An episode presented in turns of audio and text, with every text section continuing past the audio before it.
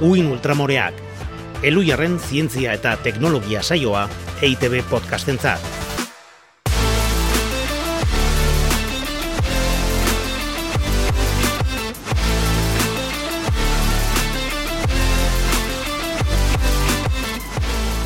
Kaixo Ana Galarraga estaran Kaixo Alaitz Otxoa deribe agirre. Eta kaixo beste guztio. Ai, hori da, kaixo zuek ere, bai, hortzaudete, Entzuten ari zareten. Baki hortzaudetela, bai. Ze pozik jendia guri entzuten egotea, ez da? Eta guk itzeitia mugari gabe. Bueno, bueno, bueno, mugari gabe ezana. Ea gaur ordu erdin sartze garen. Guazen, hasingo gara, ja. Bai, bai, baina gaur lokatzetan sartuko gara buf, hortik ateratzeko. Bai, zaila izango da, baina, bueno, ea lortzen dugun ordu erdin ateratzea, ez da? Bai, ze, neko saltxa lodilla sortu da, eh? Bai, txokolatea, txokolatea. Hola ditzen zaio. Baina horretarako daude Win Ultramoreak evidentziak argitara ateratzeko eta gauzak arintzeko. Beraz, gaur Win Ultramoreekin egazkinen arrastoak aztertuko. Egazkinen arrastoak, edo txentrellak, ez da? Bai, hola, hola, esaten zaie. Bai, bueno, azken aldi honetan entzuten ari garenak entzunda, irakurtzen ari garenak irakurrita, bazairutuko zait, aproposa, eta beharrezkoa gai honi heltzea. Zerbitzu publikoa egiten dugu hemen. Noski baiet, noski baiet. Hartu nahi duenaren zat, ebaiz? Batek esango du, banik ez den nahi zuen zerbitzu. Abixuta, abixatuta zaudete, mendik aurrerakoak gure kontu. Hori da. Bueno, albisteak egingo ditugu lehen bizi, ez da? Hori da, aurrera, Jon. Albizteak.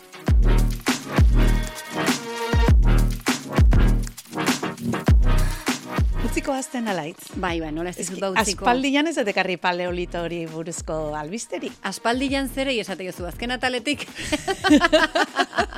Aizu izan gehiztua. Nik entzun dut, e, seixaletan negoen bitartean uin ultramoreak, eta horrek arri zen dituen, eh? bueno, paleolitoko ar, e, albisteak. Baina hau benetan da polita, benetan. Bai, bai, siniste izut, polita bai, noski izango dala. Bai, da zintzilekario bat buruzkoa. Zintzilekario bat zer da, kolare bat, pentsatu nahi dut. Bai, bai, hola, vale. jantzita eramaten da. Vale, ez berez ze, zekarkitena. Hori da, hori da, bai, bai, fosi gelditzen dana, uh -huh. ezin du izan, aragizkoa, beraz. Uh Ez ez, hau, Denisoba kobasuloan, hori Denisobarrak handik, bai. datoz, ba, antopatu zuten, orein baten hortzarekin egindako, ba, olako lepoko edo zintzilikario bat, ez? Ba, bai. Ba, zulotxoarekin, eta bar. Kontua da, ezurrak eta hortzak porotxoak dira. Eta poro hoietan, ba, xurgatzia daukate, pertsona jantzita zenaman pertsonaren, ba, izerdia, edo odola, edo listuare, bai, bueno, jariak. Osea, kristo bat indazamakila bere zintzilikarioa. Bueno, hortik, bintzat, xurgatzia dauka. Pentsa ze interesgarria izango litzateken, zintzilikari horretatik lortuko balute pertsona horren informazioa ateratzea. Ze bestela objektuak eta haiekin ze, zebiltzan pertsonak nola lotzen dituzu e, eta horrela ba, ba froga zuzenak ez? Ba, pertsona haienak. Ze normalean e, lotzen dituzu estrato berian, ez da? Bai. Daudelako. Le, da. Eh, leku berian, e, garai berian baldin bat zegoen. Garai berian, bueno, baina, garai berian mila urte gora, mila uh -huh. urte bera, eta kasu honetan ja izan zen zuztenean. E, e, zintzilikario hortzorretatik DNA erauzi daitekela. Ba, hori nahi zuten e, probatu, eta bai. Daiteke ze lortu dute. Beraz, egin daiteke. Ara.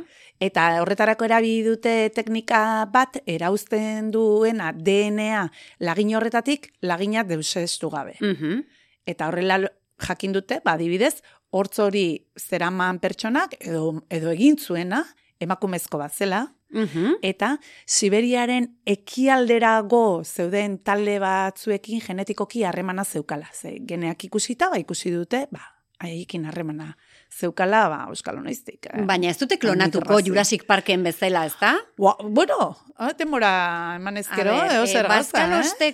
nahiko pelikula ikusi ditugu, jakiteko hori idea txarra dela. Eta ez du la nahi, eh, emakume deniso bar bat, bere zea, letagin batekin lepuan guri gauzak zeaten. Gaixua gaina, guain dela, emeretzi mila, hogeita bos mila urtekoa omen da, eta mundu honetan aterrizatu ezkero, Flipa hoingo zuen. Pa, pentsatze baiet. bueno, nik albiste aldarrik atzaile bat eh, karri dut. Oso Para bariar, ez da? Horrelakoak, ba, askotan ekartzen ditugu, baina gauzak dauden bezala, bat zaigu beste remediori geratzen, ez da? Esan duzu, zerbitzu publiko bat garela. E, kontua da, badirela hogeita hamar urte, Estatu Batuetako Osasun Institutuak erabakizuela, berak finantzatutako saio klinikoetan eta ikerketetan, gizon adina emakumek hartu behartzuela parte. E, erabaki bera hartu zuten gero, Kanadak eta Europako batasunak. Hordaz, legez, horrela izan beharko litzateke. Betetzen da, zer iruditzen? Mm, Takit? Bueno, esango izut.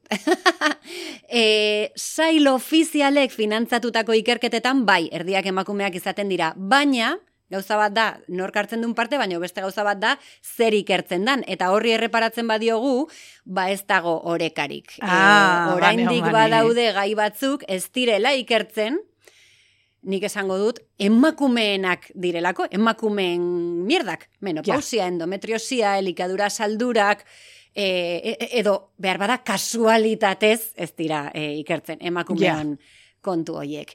E, gainera, esan dugu, e, zentro ofizialetan egiten diren ikerketetan, bai parekotasun hori dagoela, baina beste zentroetan egiten diren ikerketetan gizonek jarraitzen dute gehiengoa izaten. Ah, hori bai, hori, seguro. Hogeita hamar urte, eta oraindik horrela. Naturek eh, editorial bat eta dana dedikatu dio, hortaz, eh, pentsa, gaiak ze garrantzi duen, Ba bai, editorialera juteko. bai? Barrazoia daukazu bai, ez da lehenengo aldi horrelako kontu ezaritzen garela, baina gertatzen den bitartean, ba jarraitu beharko du. Hemen salatzen eta larrikatzen, Mhm. eskubide kontua da.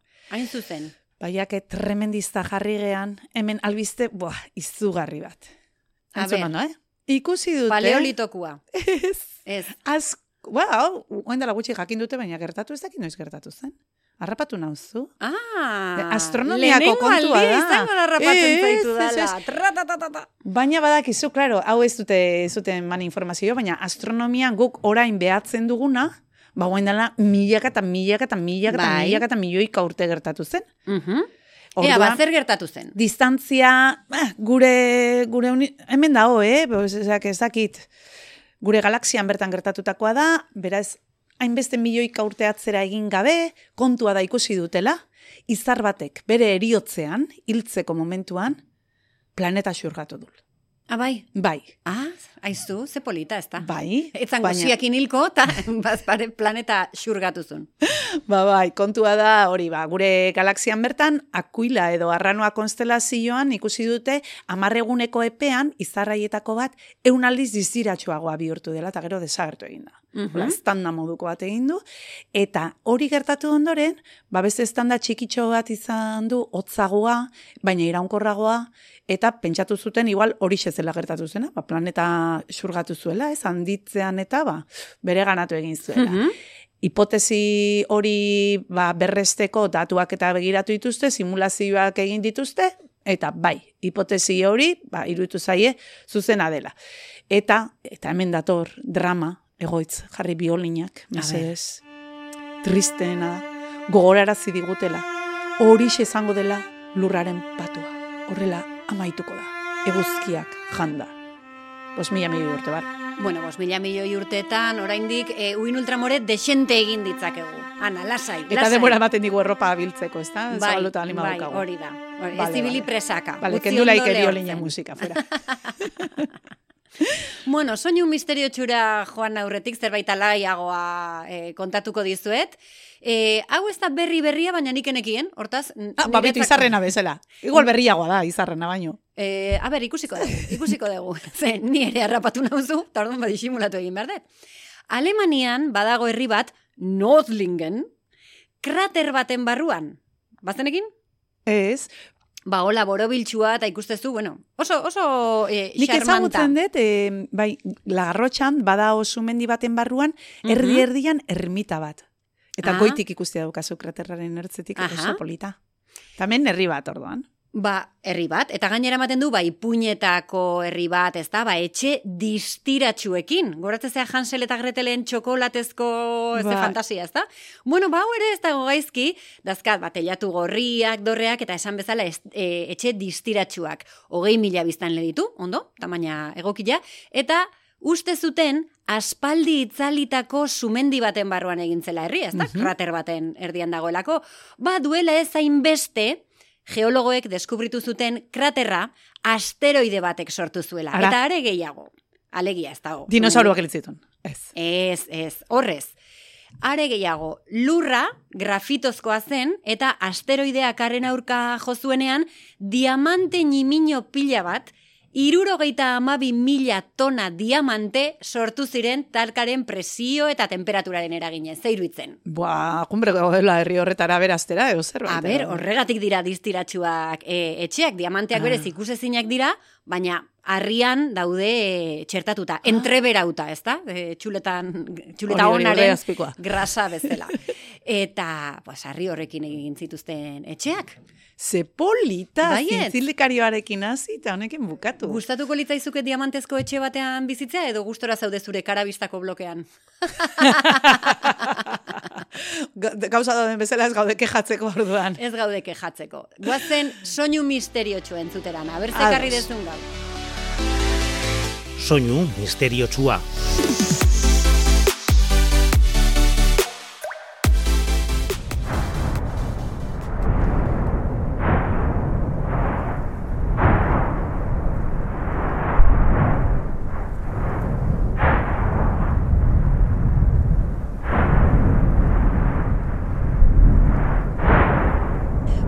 Kuarto milenion esango lutek lukete hau dela hegazkin baten motorra, ez da?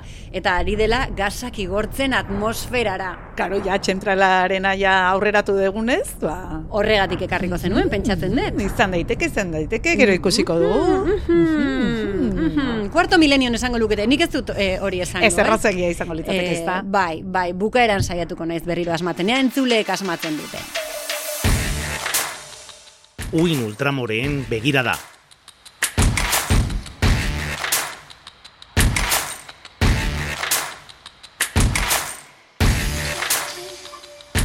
Eta orain bai, uin ultramoren gailua hartuko dugu eta lokatzetan sartuko gara. Loian, urakanaren begian, krokodiloen putzuan, zentro komertzial batean, larun bagoiz batean. Eta ekingo diogu gai nagusia aztertzeari, ez dana? Beldurgarriena zentro komertzialaren, bai, baina diferentzia bai, Nahiago krokodiloen putzua. Hori seguro. Baina ez ez gatoz horretara gu gatoz, ba, beroarena kentzea kontuari eta zorrozasun zientifikoz eta uin ultramoren bidez, egazkinak zeruan sortzen dituzten arrastoak eta haien ondorioak aztertzera. Mm -hmm. Txemtrailak, alegia. Hori, Txemtrail deitze zaie, dialako, e, e, de, bueno, egazkinen arrasto iei, jende askok deitze jolako arrasto kimiko. Kimiko. Sustantzia kimikoa, komen ah, dituztela, esaten dute, chemical, ba, chemical, chemical, chemical, chemical, Asko berotu da kontua eta kontua ez ezik jendea ere bai. Denetik entzun dugu, egazkinek sortzen dituzten arrastoiek klima aldatzen ari direla. Egazkin hoiek gobernuek edo auskalo nork bidalitakoak direla, euria eginarazten duten substantziak botatzen dituztela, eta kontrako ere bai, odeiak desegin eta lehortea eragiten dutela substantzia hoiek botata. Denetik entzun dugu. Bai, bai, eta beste batzuk klima aldatu beharrean edo horrekin batera esaten dute gaitzak edatzen dituztela. COVID-19 jabera adibidez, edo egaztien gripea. Zuk ere entzungo zenituen horrelakoak entzule eta ezpaditu zuentzun, zorioneku azu, zorioneku, pentsa zenbateko indarra hartu duen ideia horrek Espainiako kongresura ere eraman dutela. Hori da, talde mistoko diputatu batek galdera hau egin zuen. Bi puntu eta kakotxak. Mhm gobernua eguraldian manipulatzen ari da, produktu kimikoen aire instaduraren bidez? Erantzuna baiezkoa bada, ze produktu, modu, sistema eta baliabide ari da erabiltzen gobernua manipulazio horretarako? Itxikako txik. bueno, ba, guez gara Espainiako gobernua, ez dugu arentzat egiten lana, daina esan beharra dago. Ez da naire, ez da naire. Baina huin ultramoreak ditugu eta zalantzak dituen ari, ba, gauzak argitzen saiatuko gara, baita diputatu e, horri ere, ez da? Eta esan behar den lehenengo gauza da, zer den arrasto hori, ez da? Hori da, eta zer da? Ba, ur lurrunak kondentsatuta, besteik ez? Hori da. nondik atera da. Ba, egazkinen turbinek sortzen dituzten gaz eta ur lurrunetik. Nola oso beru ateratzen den, eta atmosfera berriz garaiera horretan oso hotz dagoen, bat bateko temperatura jetxiera gertatzen da, eta orduan kondentsatu eta kristalizatu egiten da. Eta arrasto hori ikusten da. Claro. Baina hori da, e, behitu zerresa, eh? Zer gauza? Erresa ulertzeko. E, goi, neguko goizetan bal, kalian zaudenian, ateatze zaizu ba, lurruna ateatze zaizu ahotik, eta txikila zeanian, jolaztez, uh, erretzen nahi naiz, erretzen nahi naiz, eta, eta etzea erretzen, ez da umetan ez dezu hori sinisten, ez da? E, e, ulertu dezakezu lurruna dala, zure gorputz barrutik ertetzen den, em, aire bero, aire bero hori, ba, osten denean, ezetasuna baldin badago, ezta? Izan ere, ba, temperatura, ezetasun eta presio jakin batzuetan, bakarrik sortzen da, bai e, zure lurrun hori, bai e, egazkinetako arrastoa. Zehazki, temperatura basua, presio basua eta ezetasun altua behar dira. Hiru faktore horiek egokitzen direnean, kondentsazio arrastoak sortzen dira, eta batzuetan, luze irauten dute.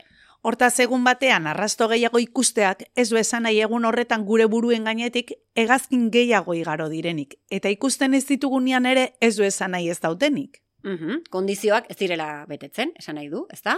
Gainera, lainotuta badago, ba, ez du bat ere, e, ez hegazkinik ez arrastorik ikusitago. Ez argi, ez errez. Mhm. Eta hor da hoi argi, ez da? Hegazkinak nondik noran dabiltzan ikusi nahi izan ezkero, begira, sartu ebune honetan, horra saltzen dira denak. Flight radar, flight radar, flight egaldi radar, hogeita lau, puntu com. Nik egia esango izute. Kriston impresio egiten dit ikustia zenbat egazkin ibiltzen dian egunero eta egunero eta ordu guztitan nairean. Aldatuko ez dute ba klima. Zenbat erregai beharko da egazkin oie guztiak hemendik anara eta handik onea etortzeko? Mm -hmm. klaro, erregaia erretzean, ez zeobia askatzen da, horre bai daukala eragina. Bai, bai. E, e, aireko trafikoa da e, berotze globalaren eragile nagusietako bat, ezta? Garraioa orokorrian, baina aireko aireko trafiko hori. Hala ere, ba, sus motxarreko jendeak esango dizu hoiek hegazkin hegazkin normalak direla. Izan ere diotenez ba omen daude beste batzuk, eh, bueltaka ibiltzen direnak inora joan gabe. Flight radarren ikusiko dezula hor biraka dabiltzan hegazkin hoiek eta hoiekin zer gertatzen da? Hoiek zertan dabiltza?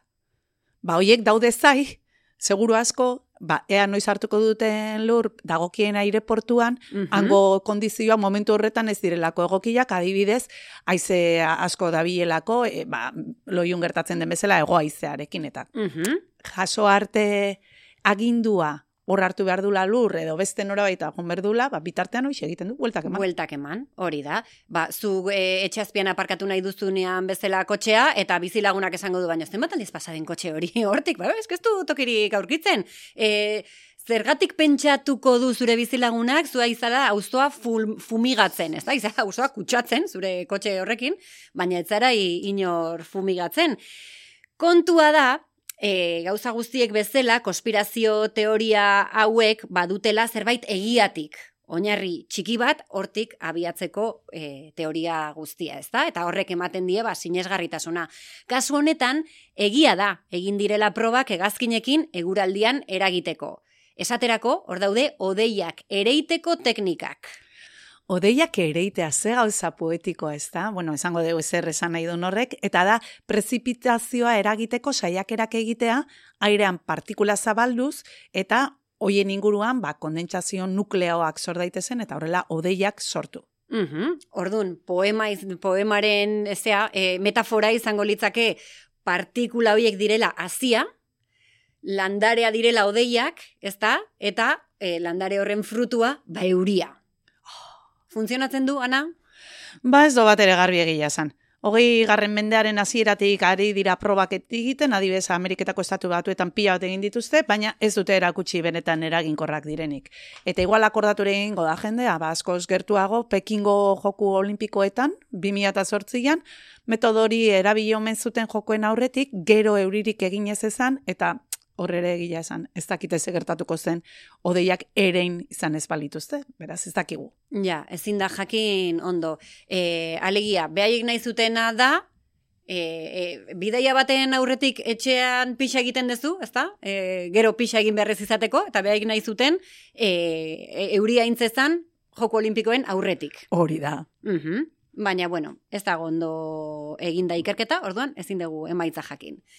Hala ere, jarraitzen dute ikertzen munduko meteorologia erakundearen pean, eta helburua ez da bakarrik euria eginaraztea. Batzuetan, helburua kaskabarra edo txingorra eragoztea bilatzen dute. Ba, usta eskaltetzeko, kaskabarra egin beharrean, ba, euria egin dezala bilatzen da. E, baina, ez da erraza lortzea, ez bat, ez bestea, atmosferan kondizio jakin batzuk egon behar dutelako aurrez, eta beti ez dira egoten. Edo zein modutan, ez da lehentasunezko ikerketa bat. Ez ez dute hor diru askorekan sartzen, eta gainera hori zaila bada, are zailagoa, bueno, teknologikoki ezinezkoa da, odeiak desegitea euririk egin ez ezan, dala orain susmatzen dutena. Ze esango diazu, ze mekanismoren bidez lortuko litzateken desegiteak kantauritik sartzen den borrazka erraldoietako bat. Mhm. Nola xurgatu, lehortu edo lurrundu dakartzan milioika eta milioika litro urroiek. Zer egin dezakete hegazkinek horren aurka? Ja. Zu noiz baitekuntzea, hegazkinez eta azpilan izan odeiak Bai, edo tarte? bai, Horre guztiak, eh? ja, Itxasoa da, hori. bai. Bai, bai, bai. nola? Zer egingo du hegazkintxo batek Ba, bai. horren aurrean, edo edo amarrek berdin zait, ezta? Ba, hegazkinen arrastoek helburu hori izango balute ere, ezingo lukete zer egin. Mhm. Arrastoek bai balio dezakete gogoratzeko hegazkinek erregai fosilak erretzen dituztela eta karbono dioksidoa igortzen dutela. Eta horrek bai eragiten duena kliman esan dugun bezala. Karbono dioksidoa berotegi efektuko gasa delako eta beraz beroketa globalari laguntzen diolako. Eta gero dago gainera, ba, erregai konpainiek erregai hori lortzeko egiten duten kalte guztia eta hegazkigintza industriarena eta hegazkinetan bidaiatzen bera bultzatzen gaituen sistemarena eta Eta hori dena. Hortaz, e, hegazkinekin lotuta, ba, badagoela zer aztertu kritikoki, ba, ez da absurdoetan kateatu gabe. Eta kontu honek gainean ere ustez, argi uzten du beste behin ere kultura zientifikoa ze beharrezkoa den, ezta? Zenbatera zu konturatzeko ze ze gauza absurdoa esaten ari zaizkizun txentrelen kontu horrekin. Era bat ados. Alare guri eztabaidatzea gustatzen zaigu. Ez da baidatzia gure? Bai, Ez dut uste. Ba. gustatzen zaigu esan egia laiz. Eh, bueno, baina eztabaidatuko du argumentuak eta arrazoiak eta evidentziak ikusten Hori da. Mai gainean jarriko dugu evidentzia. Egia gezurra evidentzia, Venga. guazen atalera. Egia, gezurra, ala ez dago nahikoa evidentzia.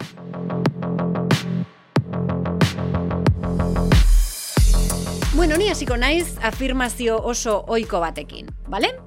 Garunaren eskuin hemisferioa sormena zarduratzen da eta ezkerra logikaz.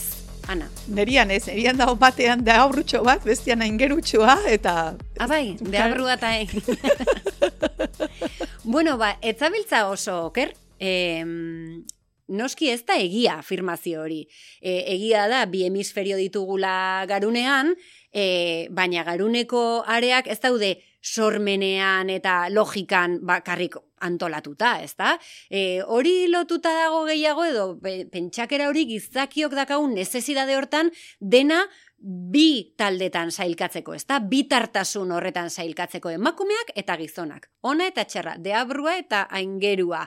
E, jin eta jan, osea, e, burua bihotza. Bai, ez dugu ulertzen ba, e, gauza komplexuagoak izan daitezkela eta ez dagoela. mm, Elkar konektatuta daudela, gradientiak daudela. Mhm, Hortaz, Espektroak. e, e, hemisferioarena eta hori e, komplexuagoa da, ikusi, e, burmuinaren mapa bat oso polita da, oso interesgarria da, e, baina ez, da, ez daukazu logika hemen eta, e, lo, eta nola da, sormena beste aldean.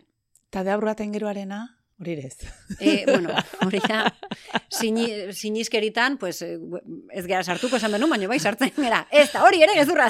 Hori ere gezurra da. Eta alkola edate balima dute nire engeruta de aurruek, neuronak hiltzen dira, hiltzen dira. Hori ere askotan entzun dugu. Neuronak hiltzen direla? Alkolarekin. Mhm. E, ba, ez dakit. Osa, alkola ea, edan da, eh? Karuna Al- sartze bat bai. alkoletan konserbatu iten da. O, ba, hori da, hori da. Baina alkola edan da, neuronak hil egiten dira. bueno, bai ez esango dut, baina nago seguru. Bueno, ka- kontua da hi ez direla hiltzen. Orduan, Aha. hau da galdera trampa. Ze ez dira hiltzen, baina bai gaixotu edo, bueno, akastun bihurtu, eraldatu egiten ditu, funtzioak eta ezin dituzte egin behar den bezala, Mhm. eta orduan, bai, aldatzen da. Betirako. Gar, bai. Alegia, alkola edateak kalte egiten dio Kalte gure burmuinari, baina ez ditu neuronak hiltzen. I, ezta? Iez, eta ieta kantolatuta hori, eta eh? Vale, vale, ulertuta. E, nik kirolari lotutako beste afirmazio bat ekarri dut. luzaketak egiteak ez du kirol lesioetatik babesten. Ba, ni beti ditut. Bai. Bueno, ez igeri egin ondoren ez.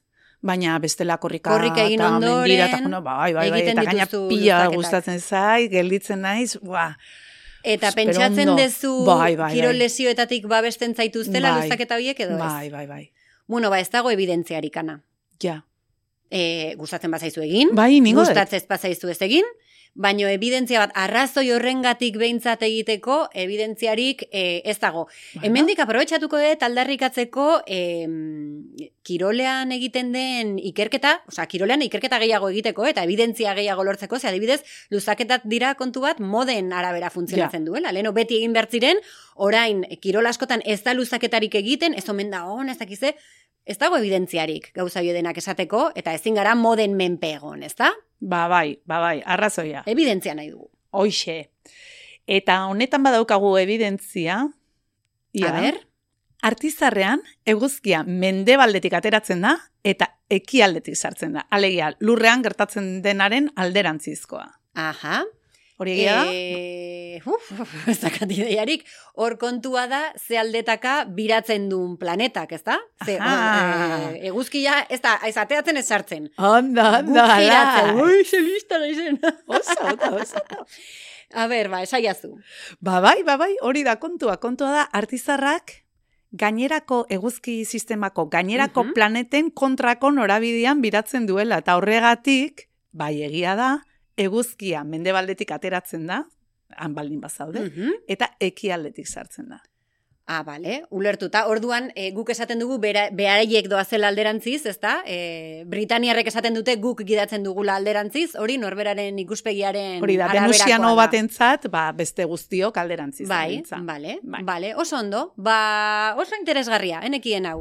E, soinu misteretsua argitzea falta zaiguana? Ah, eta hori ere baldakizu, orain baldakizu. Ba, Bazen, egia, bazen. ez dakat idearik. Baten batek asmatuko zuen, ez da? Nik uste gure entzulek ja belarria trebatuta dutela. Entzun dezagun.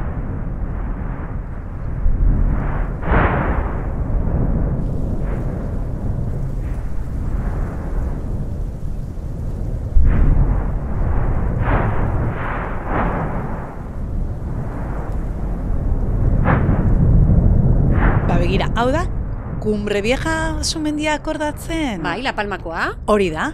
Ah. Ba, hau da erupzioa. Ostras, eta hori zenbat aldiz entzun dugu ba Ja, telebista. baina eta... hau oso gertutik hartutakoa da. Ai, ba. Eta, bai, da. Ah, ba, ez dut, ez dut ezagutu, eh? Eta gaina behira, pentsatzen jarrita, honek bai klima aldatzeko eh, badaukala gaitasun hori. Sumendiak. Bai, sumenditan askotan sortzen dira gainera erupzioaren gainean, olako ekaitzak eta argazki ikaragarriak ere badaude Ah, hor bai, tximistekin bai, eta hola. Eta ja, supererupzio oso masiboak direnean, adibidez hor gertatu zen, udari gabeko urte ura, Mhm. ez? Ba, Mary Shelley Frankenstein idatzi zuen Ah, egia, egia. Gelditu zela dana errautxez bete eta... eta... Bale, bale, bale. Orduan, e, bai, pues, Txentraia klima, baino bastante eragin handia badak, eh? Sumendiak batzutan. klima aldaketa dena uztartu dugu e, amaieran. Ja, ze- zeboro bila gelditu zen. Bai, amaitu dugu, ezta, honekin? Uin Ultramoreak elujarrek egiten duen podcast bada, ITB podcastentzat, eta beraz, atal guztiak ITB podcastatarian dituzuen, non gehiago, Ana? zientzia.eus atarian ere bai, hori elu jarre darama, eta bueno, jartzen ditugu baita bestelako informazioa, eta horrelako kontuak, eta gero, ba, plataforma guztietan. Mhm, Zuk nure entzuten dituzu podcastak. Nik, e, bueno, elu jarren lan egite, zientzia.eusen entzuten dut. Eta gero mobileak emate eta bisua iBoxen. Iristen Ona, zaizunean, ezta? E, Bai. atal berria. Oso ondo, oso ondo. Bueno, ba, eskerrik asko beti bezala entzuten ari zareten guztiei, egoitzetxe bestea durizi, teknikari lanak egiteagatik, eta pare bat astean itzuliko gara. Ze gairekin, Ana? Ui, ba, beitu, plazeboa, nozeboa, Ah, nozeboa, ze kontzeptu, txan-txan entzun beharko duzue. Bueno, ba, eskerrik asko, eta urrungor arte. urren arte aio,